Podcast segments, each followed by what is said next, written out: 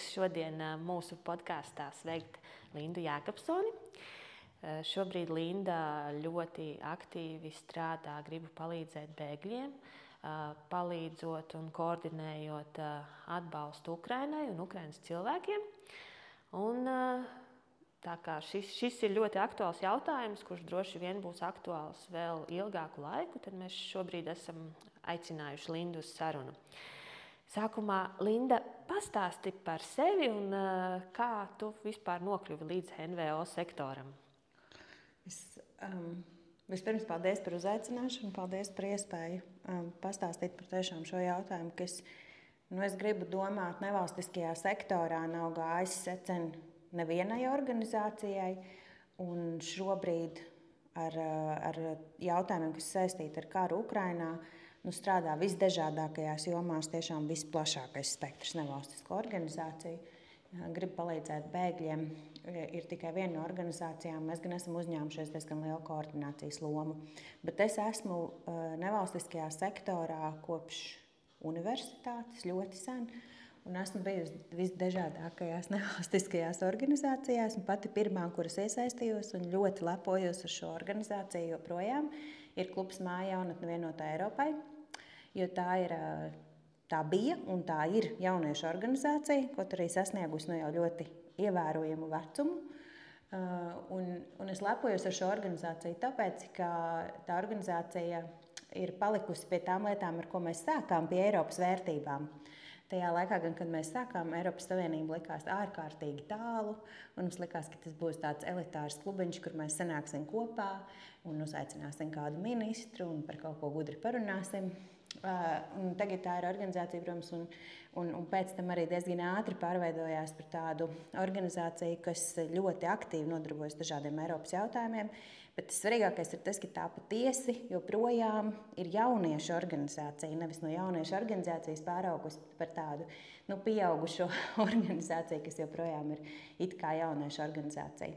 Tas, tas ir kā es nonācu nevalstiskajā sektorā. Īsnībā es nonācu tāpēc, ka mani kursa biedri rīkoja pasākumu, eh, tādu žurnālu izdošanu. Tajā laikā vēl internets un viss tas, ar ko mēs šobrīd nodarbojamies, nebija tik aktuāli. Žurnāls tika izdots trīs valodās, un uh, tie redaktori bija daudz, un no dažādām Eiropas valstīm mēs kopā veidojām to žurnālu. Un es tur vispār nekādā veidā nebiju iesaistīta, un tad viņi secināja, ka nav kas tā ēst. Un tajā nometnē, ko viņi rīkoja, tad viņi uzaicināja mani. Un es vispār nemācīju ļoti taisīt tēstu tajā laikā, bet es neatzinos, jo es ļoti gribēju piedalīties tajā pasākumā. Un tā tas arī, Un tā tas arī sākās. Super. Bet, eh, ja runājam eh, tālāk, tātad, tātad šobrīd ir griba palīdzēt bēgļiem, un eh, šodien jau ir 87. kara diena. Un, ko, ko šīs dienas mums ir parādījušas par NVO sektoru, par valsts pārvaldi, par sadarbību, par sabiedrību kopumā? Es domāju, ka um, par, par sabiedrību kopumā sākšu teikšu to, ka mēs noteikti viennozīmīgi kā Latvijas sabiedrība esam parādījuši mm, lielāko sadarbības spēju un lielāko solidaritāti droši vien kopš barikādēm. Um, mēs esam visi sektori, valsts pārvaldes sektors, pašvaldības sektors, uzņēmēji, nevalstiskais sektors ir katrs darījis tiešām, ko nu spēj un var. Un tāpat arī cilvēki, kuri nav iesaistīti nevienā no šiem četriem sektoriem, ir mēģinājuši darīt visu iespējamo, lai cilvēkus no Ukrainas vai uh, cilvēkus Ukrainā uh, atbalstītu nu, tiešām visplašākajā spektrā. Un, uh, kopš kara pirmajām dienām mums tiešām tā sadarbība visiem ir bijusi, visiem ir bijusi nu, teiktu, ļoti laba. Un, nu, man, ir, man ir jāizsaka cerība, ka tas turpināsies tā arī uz priekšu. Kaut arī tieši nu, šajā brīdī man, diemžēl, ir jāsaka, ka es tomēr varētu vēlēties lielāku um, caurspīdīgumu lēmumu pieņemšanā un arī lielāku nevalstisko organizāciju iesaisti. Jo nevalstiskās organizācijas ir tās, kas ir nu, pirmajā līnijā, ja tā varētu teikt. Mēs esam tie, kas reāli strādā ar cilvēkiem, ar cilvēkiem no Ukrainas. Eh, Un tas, ar ko mēs gribam palīdzēt bēgļiem, nodarbojamies, mēs nodarbojamies tieši ar situāciju šeit mazāk, ar, eh, eh, mazāk koordinējamies pašā sākumā, varbūt, bet tas bija tiešām pašā kara pirmajās dienās, kad palīdzējām arī um, virzienā Ukraina, bet uh, tur mums nav pieredzes, un tur ir par laimi ļoti daudz citas spēcīgas organizācijas, kā viegli palīdzēt, un tādi draugi un daudz citas. Uh, nevalstiskās organizācijas ir tās, kuras redz dažādus, nu, tā var teikt, sistēmiskos robus. Un tāpēc ir ļoti svarīgi ka mums ir tie kanāli, tie veidi, kā mēs varam nodot šo informāciju valsts pārvaldēm un pašvaldībām. Jo tie robi bieži vien nerodas kaut kādas ļaunprātības dēļ, bet tāpēc, ka mēs, protams, nevarējām nekad Eiropa nav ar šo saskārusies šādu situāciju, kopš otrā pasaules kara, un kur nu vēl Latvijā mums nav vienkārši nav šādu zināšanu, kā to, kā to darīt. Tāpēc ir ļoti svarīgi, ka mēs strādājam kopā, mēs uzklausām viens otru un saprotam, kur, kuras ir tās lietas, kas ir, kas ir jāpilnveido. Bet es teiktu, ka tiešām tas, ir, tas tiešām ir apbrīnojami. Cik daudz ir izdarīts pirmo trīs mēnešu laikā, un, un uh, kopš, kopš, cilvēki ir, uh, kopš cilvēki ir šeit. Tā kā, nu, visiem tiešām liels paldies visās, visās jomās, un, un, un, un, un par visiem it kā pat uh, mazajiem darbiem, ko cilvēki ir darījuši, ziedojuši mantas, vai, vai palīdzējuši kādu uzņemt, vai veduši no kaut kurienes uz kaut kurienu, un, un, un devuši padomu kaut vai tepat Eh, Rīgā cilvēkiem, kur nezinu, kur viņi iet, piemēram. Un kā, kā, kā, kā tev šķiet, vai mēs kaut ko esam, nu, teiksim, tā, tā krīze, kas bija 15. un 16. gadā, vai tā ir kaut ko devusi, kaut ko palīdzējusi, tās zināšanas, kas bija toreiz un prasmes iegūtas, lai uh, mēs varētu risināt šodienas situāciju? Es teiktu, ka jā, un diemžēl arī nē.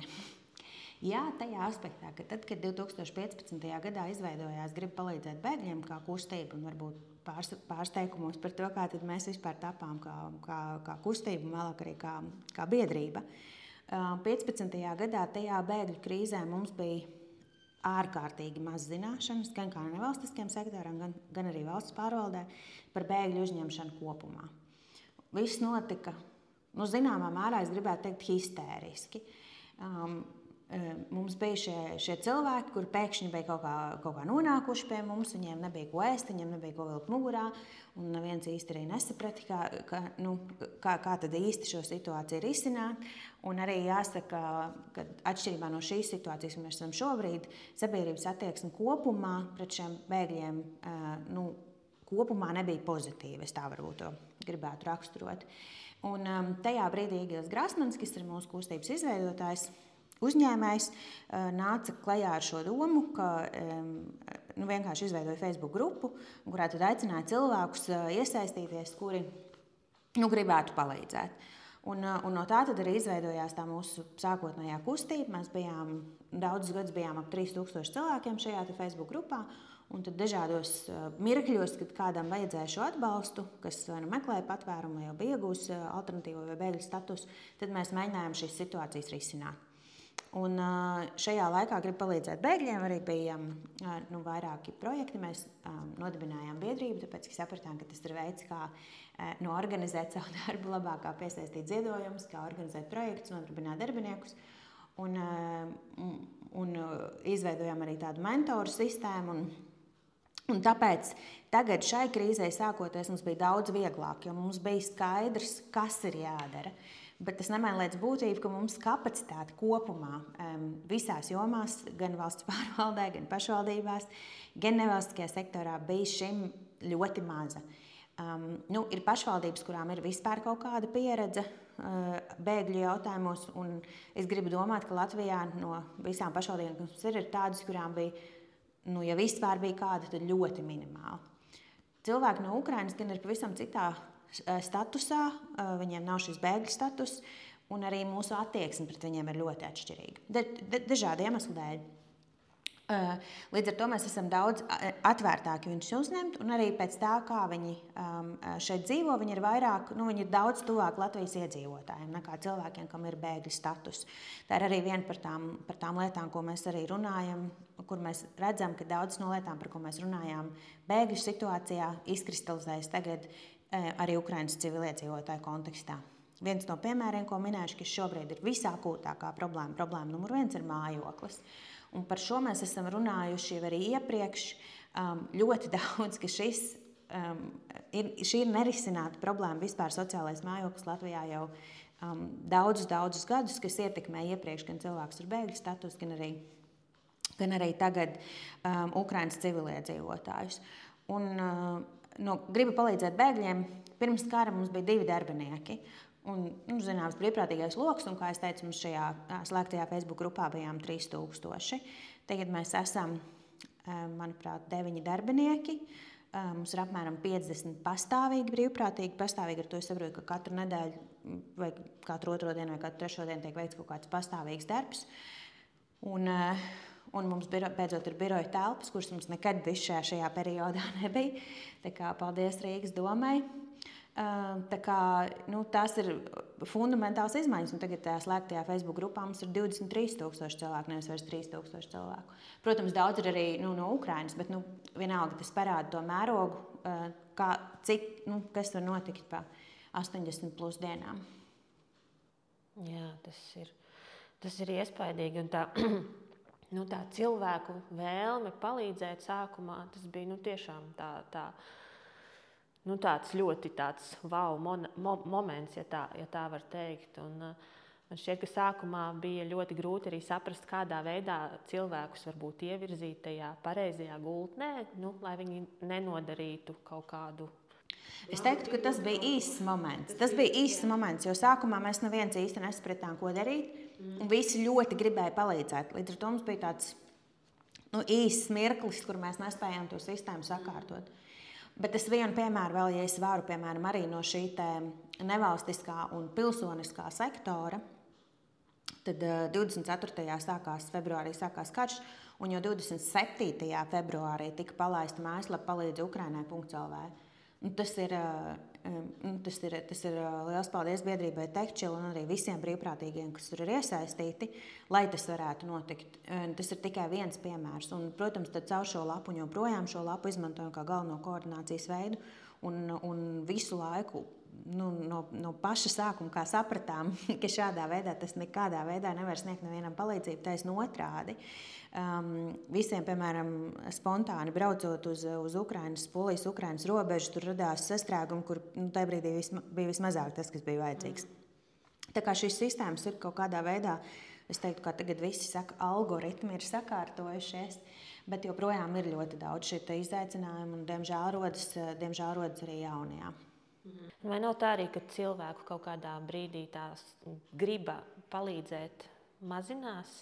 Es domāju, ka cilvēku nevis griba mazinās, griba mums visiem ir joprojām. Bet uh, resursi cilvēkiem nav neizmērojami. Nu, cilvēki, kas ir paņēmuši kādu mājās, piemēram, nu, viņi pēc pāris mēnešiem saprot, ka viņu tā, piemēram, rocība ir tik liela, cik nu viņi ir. Un, um, Vai arī tur var būt kādi citi apsvērumi, ka tu dzīvo ar, nu, piemēram, nepazīstamiem cilvēkiem kopā, pat ja tie ir bijuši kaut kādi attāli radinieki nu, tas notiek ilgtermiņā. Uh, var saprast, ka cilvēkiem iz, izsīkst, uh, izsīkst um, uh, spēki. Uh, vai arī, piemēram, ziedojumi. Tas ir tas, par ko ziedotāji vērunā, ka nevis mazinās cilvēku vēlme, bet uh, tas resurss mazinās. Līdz ar to cilvēki turpina ziedot, bet, ja viņi ir ziedojuši 50 eiro, tad viņi tagad var atļauties 5 eiro. Varbūt.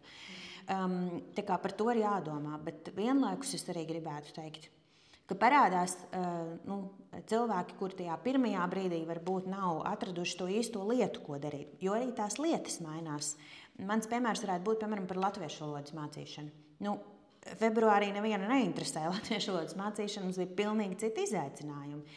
Bet tagad, kad mums ir skaidrs, ka cilvēki šeit ir, um, protams, mēs nevaram pateikt, cik ilgi kurš, kurš paliks šeit. Mēs neviens nevaram paredzēt, kas notiks uh, rīt, kur tur nu vēl pēc mēneša. Bet ir daļa cilvēku, kas domā kaut kādu laiku šeit palikt. Nu, piemēram, ja viņam vairs nav māja, kur atgriezties, um, un, un šeit, nu, piemēram, varētu tikt atrasts darbs, uh, un bērni varētu, vai, piemēram, ir sākuši šeit skolā un tam līdzīgi, tad ir jādomā par latviešu valodu. Mēs tagad esam arī uzsākuši um, tādu vienu brīvprātīgo iesaistīja uh, latviešu valodas mācībām, jo latviešu valodas kursi vēl nav sākušies, ko valsts, uh, ko valsts plāno.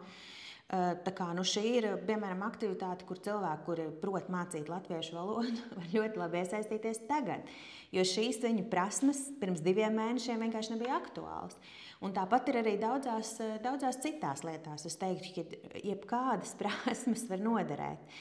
Un visvienkāršākajās lietās mēs redzam, ka nu, kā jau teicu, cilvēki šeit tagad kaut kādu laiku ir uzturējušies, un viņi grib iejusties šeit, viņi grib integrēties, viņi grib saprast, kur viņi īsti ir nonākuši. Mēs redzam, ka ļoti populāra aktivitāte, piemēram, ir aicināt cilvēkus nu, kaut vai divas stundas pastaigāt pa mūsu rajonu, kas te mums te ir. Ja? Mm. Un, um, vai kaut kur citur Rīgā, uh, Rīgā aiziet, vai, vai um, piemērs bija, ka dāma bija ielikusi internetā, ka viņi var aizvest cilvēku sestdienā vienkārši līdz jūrai. Um, nu, tās ir tās lietas, ko mēs katrs varam izdarīt. Tur pat īpašas prasmes nevajag. Tur vienkārši vajag bišķiņa, kā teikt, um, saorganizēties, un tās var izdarīt, uh, tās var izdarīt katrs. Un, um, vēl es gribētu teikt, ka jā, nevalstiskās organizācijas daudz cilvēku ir ļoti, ļoti smagi strādājuši. Un, protams, ka ir zināms nogurums. Uh, tāpēc es ļoti aicinātu, ka, ja kāds redz sevi uh, prasmes, spēkus, jebkāda veida resursu iesaistīties, uzrunāt nevalstiskās organizācijas, paprasīt, kādu palīdzību vajag. Um, mums joprojām ir diezgan liela, mums sākumā pieteicās diezgan daudz arī brīvprātīgie, un mēs esam šo resursu arī izmantojuši, piemēram, tajā pašā Rīgas domē. Nu, tur vajag katru dienu, baidos kļūdīties, cik cilvēkus, bet nu, vairāk nekā 30 pilnīgi noteikti. Um, vai, piemēram, tajā pašā uh, uh, Rīgas um, um, bēgļu atbalsta centrā Kaļķielā. Nu, katru dienu vajag septiņu cilvēku komandu, lai iz upes virtuvē ielietu uz upu. Nu, tur tiešām nevajag daudz prasmes. Tur vajag piecas stundas brīva laika un savākt septiņu cilvēku komandu. Tas ir viss, kas tiek prasīts īstenībā. Tā kā, nu, šādas lietas, šādās lietās, un es esmu pilnīgi pārliecināta, ka es, es tikai Rīgas piemēru vislabāk zinu, jo es tur atrodos, bet es esmu pilnīgi pārliecināta, ka šādi piemēri ir, ir, ir visās pašvaldībās. Mm. Un, uh gan šīs krīzes kontekstā, gan Covid krīzes, gan, gan iepriekšējās bēgļu krīzes kontekstā, ik pa brīdim mēs runājam par sabiedrības noturības spēju un kad mums nepieciešams veicināt un celt. Un, un tā. Ka, kas tas īsti ir un ko, ko mēs varam darīt katrs pats un nu, tādā lielākā mērogā, lai to ilgtermiņā stiprinātu? Es domāju, ka šis šis ir par to, kā mēs spējam sadarboties. Šis ir par to, vai mēs gribam uzklausīt viens otru. Um, šis ir arī par to, vai es, ko es varu darīt. Nevis visu laiku bārties uz kādu citu, kas kaut ko nevar izdarīt, bet atrast veidu, kā var kaut ko izdarīt. Man ir piemērs no citas jomas, jo es esmu arī savas mājas apsaimniekošanas valdē. Nu, es ļoti daudz zinu par to, cik nu, kādas visādas ir um, krīzes šajā un cik grūti ir vienoties par mājas apsaimniekošanu un tā un tā. Un tas prasa zināmus, nu, tas prasa zināmu enerģiju un emocionālo noturību spēju, lai, šo, lai šo darītu. Bet tas nav neiespējami. Tas ir par to, um, nu, ka tu runājies ar kaimiņiem, ka tu sveicinies ar viņiem, ka tu lēni un uzmanīgi un ilgi skaidro Ko tas īstenībā mums nozīmēs? Nu, tas ļoti lielā mērā ir par, nu, arī par spēju vispār sarunāties un uzklausīt vienam otru. Un, um, man, man viens paziņa um, nāca klajā ar labu piemēru, un es tā arī izdarīju. Mēs vienā tajā brīdī, nu, kad mums tur bija tāda lielāka lēmuma jāpieņem, es uzaicināju visus mājas iedzīvotājus pie sevis uz mājām. Um, tas bija, mēs bijām ļoti saspiesti tajā manā dzīvoklī, tas bija pirms Covid-19. Un cilvēkiem bija jānāk ar savu krēslu, jo man tik daudz krēslu nebija. Bet tas visiem bija tāds wow moments, nu, kā tas vispār ir iespējams. Un, uh, un tad, kad tu esi paskatījies uz tiem cilvēkiem, uh, tad tas pozitīvais moments ir, ka tad, kad tev nu, man, no viena rīta aplīs fēns un bija ziema, un es apzvanīju kaimiņiem un es dabūju to fēnu. Un, ja, man, ja es nezinātu, kā viņas sauc, un es nezinātu, nu, un man nebūtu šī kontakta ar viņām, tad es droši vien nekad arī to fēnu nedabūtu. Bet, bet tas fēns ir mazs piemērs, ja? domājot par visām tām krīzēm. Tas attiecas uz jebkuru, pilnīgi jebkuru lietu, ka mums ir, nu, ja mēs spējam sarunāties ar citiem, mēs spējam uzklausīt, pastīties uz to viņa otru viedokli. um, tas attiecas uz tik plašām lietām. Mums tas nenāks viegli. Mums kopumā, kā sabiedrībai, mēs esam dažādu iemeslu, vēsturisku, politisku. Nu, var teikt, ka mēs arī latviešiem patīk savā kūniņā un ko tur, ko tur. Bet, uh, bet nu, ir, nu, tas, ir, tas ir mūsu pašu, mūsu pašu rokās, vai mēs spējam viens ar otru strādāt vai nē. Un arī šajā krīzē es gribu teikt, ka gribu palīdzēt bēgļiem ar diviem darbiniekiem, nevarētu izdarīt. Nu, kaut ko mēs varētu izdarīt, bet nu, principā mēs neko nevarētu izdarīt. Bet tagad tīklā ar 30 citām lielām organizācijām, kas daudzas ir jumta organizācijas, kā piemēram Pilsoniskā alianse, Lapas un, um, un uh, Latvijas lauku fórums un, un daudzas citas, mēs, mēs reāli kaut ko varam izdarīt. Un mēs dalāmies viens ar otru ar, ar, ar informāciju, mēs sadarbojamies un mēs uzticamies viens otram. Kaut arī mēs iespējams nu, e, neesam vispār neko līdz tam darījuši kopā, mēs viens otru dzīvē redzējuši neesam. Kā, tas, tas viss ir mūsu pašu rokās. Un kādā veidā to varētu tādā valstiskā līmenī varbūt e, veicināt, vai ir kāds veids, kā to darīt? No nu, atbalsta nevalstiskajam sektoram kopumā. Mums viņš tāds viņveidīgs mūsu valstī, tad ir, tad nav. Un ir lietas, kur ir, un ir lietas, kur nav. Un līdz ar to organizācijām ir ļoti grūti plānot savu nākotni. Un tas ir liels, tas, tā, tā ir problēma, ka mēs, ka mēs um, nu, es varu teikt arī no gribu palīdzēt bēgļiem, ka, protams, mēs varam piesaistīt projektus un, un tā tālāk un tā joprojām. Uh, bet eh, to kapacitāti izveidot organizācijai, eh, to sākotnēji ir ļoti grūti. Un, un tad um, arī iesaista valsts pārvaldes darbā. Mēs arī šajā krīzē, piemēram, viena no lietām, ko mēs redzam, ir, ka valsts pārvalde arī ļoti daudz strādā pie dažādas informācijas sniegšanas un, un, un, un, un mēģina iesaistīt. Un tā. Bet, eh, ja mēs redzam, ka nu, cilvēks līdz šim nav zinājis, kurā ministrijā viņam pēc palīdzības ir jāvēršas, tad eh, krīzes laikā viņš vēl jau mazāk sapratīs, kur viņam ir jāvēršas. Un vēl jau mazāk to uzzinās Ukraiņas, uh, Ukraiņas cilvēks, kas ir tagad nonācis, nonācis Latvijā.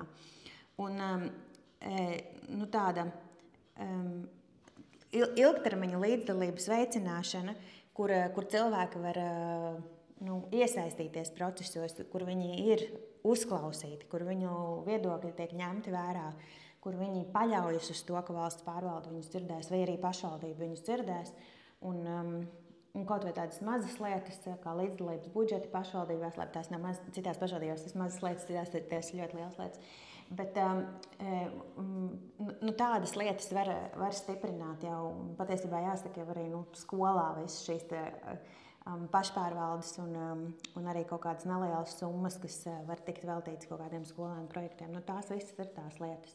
Um, nu, šajā brīdī kontekstā ar Ukraiņas krīzi, man liekas, arī mēs to, mēs to labi redzam, kā skolas atrod savu veidu, piemēram, kā iesaistīties. Un, un kaut arī tas liekas. Um, Nu, man personīgi tas liekas šausmīgi, ka mēs tagad um, šausmīgi no tā, no tā, no tā kara šausmām, no tām uh, no tā, kā pasaule ir pagriezusies trīs mēnešu laikā, mēs pirms trīs mēnešiem nemūžam nebūtu domājuši, ka skolās skolēni var veidot kamuflāžas tīklus. Man tas liekas, nu, no, nu, nu, no kaut kādas citas pasaules. Eh, mēs tik ļoti nu, kaut ko tādu nespējām vispār iedomāties.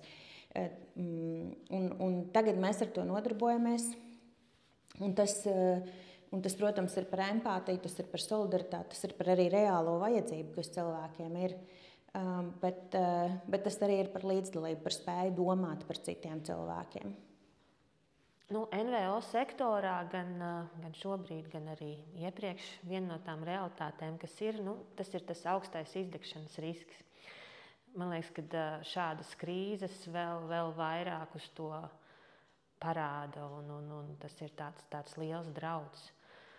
Kā, kā tu Kā tu to risini? Kā tev liekas, kādi būtu tie ieteikumi, kā, ko darīt, kā rīkoties? Nu, vai tas vispār ir iespējams nu, šādā krīzē, kad visu laiku non-stopā gandrīz ir WhatsApp, telefona zvani, e-pasti, kaut kas jārisina, kaut kas jādara?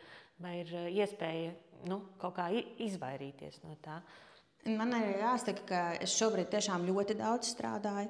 Um, bet um, mana iespējams nu, privileģētā situācija ir šajā, ka es esmu NVO sektorā kopš marta sākuma. Es pirms tam darīju kaut ko pilnīgi citu. Un līdz ar to man nebija jau visa šī nu, Covid uzslāņojuma, ja teiksim tā. Um, nu, ja neskaidrs kā cilvēkam parastiem, tad Covid krīzēs nebija nekādā veidā tieši, tieši iesaistīta pie tiem darīšanas darbiem. Uh, Tā kā um, man personīgi droši vien, kad um, nu, vēl, vēl ir baterijas kādam, kādam brīdim, es gribētu cerēt. Bet es gribētu teikt, ka mans, nu, šajā krīzē, un um, es, es esmu priecīga, ka man bija tā iespēja valsts pārvaldē strādāt Latvijas prezidentūras Eiropas Savienības padomē laikā. Jo tas bija pusgads ļoti, ļoti intensīva darba. Tā kā man ir uh, Nu, var jau domāt, ka visi tur tie cilvēki, tie valsts pārvaldē tikai dzer kafiju un neko citu nedara. Bet man ir jāsaka, ka tā kā es strādāju prezidentūrā, nu, es, es nezinu, nu, un tas bija seši mēneši. Kā, um, es zinu, ko nozīmē ļoti daudz strādāt. Nu jā, man šķiet, ka tā, tā, tā ir tāda NVO sektora lieta, jā, kad ir daudz cilvēki zina, ko tas nozīmē. Un, un, jā, vai, tas ir, vai tas ir labi vai slikti, es nezinu. Bet, bet labi, ka tā ir šobrīd. Un, jā, tāds mans pēdējais noslēguma jautājums, izklaidējošais, nedaudz ir par uh, trīs mīļākajiem podkāstiem vai grāmatām. Es gan nezinu, vai tev šobrīd vispār ir laika kaut ko tādu darīt, lasīt vai klausīties podkāstus, bet, bet uh, jā, Man, es par laimi šo jautājumu jau uh, zināju iepriekš.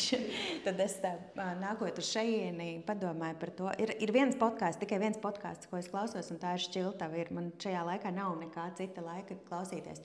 Bet es padomāju par to jautājumu par trīs grāmatām. Un es, uh, un ja es varu ieteikt trīs grāmatas no savas skatu punkta, kuras es esmu pēdējā laikā izlasījusi un kuras šobrīd palīdz. Viens ir Hans Roslings, Mindfulness. Eh, piedošana, factfulness. Un tas ir par datiem, par lēmumiem, kurus mēs balstām datos, un mēs ieraugām kaut ko, un mums šķiet, ka tas tā ir. Bet īstenībā mēs drusku vairāk iedziļināmies, kas aiz tās lietas ir, kādi dati ir aiz tās lietas tad mēs nonākam pie pavisam citiem secinājumiem. Un tas šajā krīzē, Ukraiņas um, kara kontekstā, ir ļoti svarīgi. Mēs daudz ko ieraugam, un šķiet, ka tas tā ir. Bet mums, ir, uh, mums tiešām vajag datus, lai mēs pieņemtu labāk, uh, labāk lēmumus arī šo cilvēku kontekstā, kas šobrīd ir Latvijā un kas iespējams paliks Latvijā uz ilgāku laiku. Um, Otrs uh, ir par drosmi, un tā ir Mišels Obamas monogrāfija. Un, uh, un tas ir par to, ka nu, tas viņas teiciens, ka uh, um, nu, par to, kuras, kuras paceļos. Ja? Jo zemāk mani, mani noliek, jo augstāk es paceļos, ja tā var pārfrāzēt. Un šajā laikā arī mēs redzam cilvēkus, kas ir gatavi uzņemties atbildību, kas ir gatavi būt drosmīgi, kas ir gatavi iet pa priekšu. Tie nebūtu nav tie, ja daudzās situācijās nav tie, kas ir bijuši iepriekš tiem, tie darba darītāji. Tas, ir, tas lielā mērā ir par, par atbildības uzņemšanos par savu kopienu, par, par cilvēkiem un arī iespējams par pilnīgi svešiem cilvēkiem. Un trešā grāmata ir no citas sērijas. Trešā grāmata ir uh, uh, Viktorija Hinslopa Sala. Man ļoti patīk tā grāmata. Uh, tā grāmata ir par uh, lepras slimniekiem Krētā. Un man patīk tā grāmata, un es viņu gribētu kā trešo minēt šajā sarakstā, tāpēc, ka viņi ir par cieņpilnu attieksmi, viņi ir par cilvēcību, viņi ir par mīlestību. Un man liekas, ka tās trīs lietas, ja mēs šajā krīzē paskatāmies, ka mums ir nepieciešama tā nu, faktoloģiskā puse, mums ir nepieciešama daudzās lietās drosme, un mums ir nepieciešama tā cieņpilnā un cilvēciskā attieksme pret cilvēkiem. Paldies, Linda! Paldies par sarunu! Un cerams, ka drīz sanāks arī nedaudz atpūsties. Lielas paldies! Jā, paldies! thank you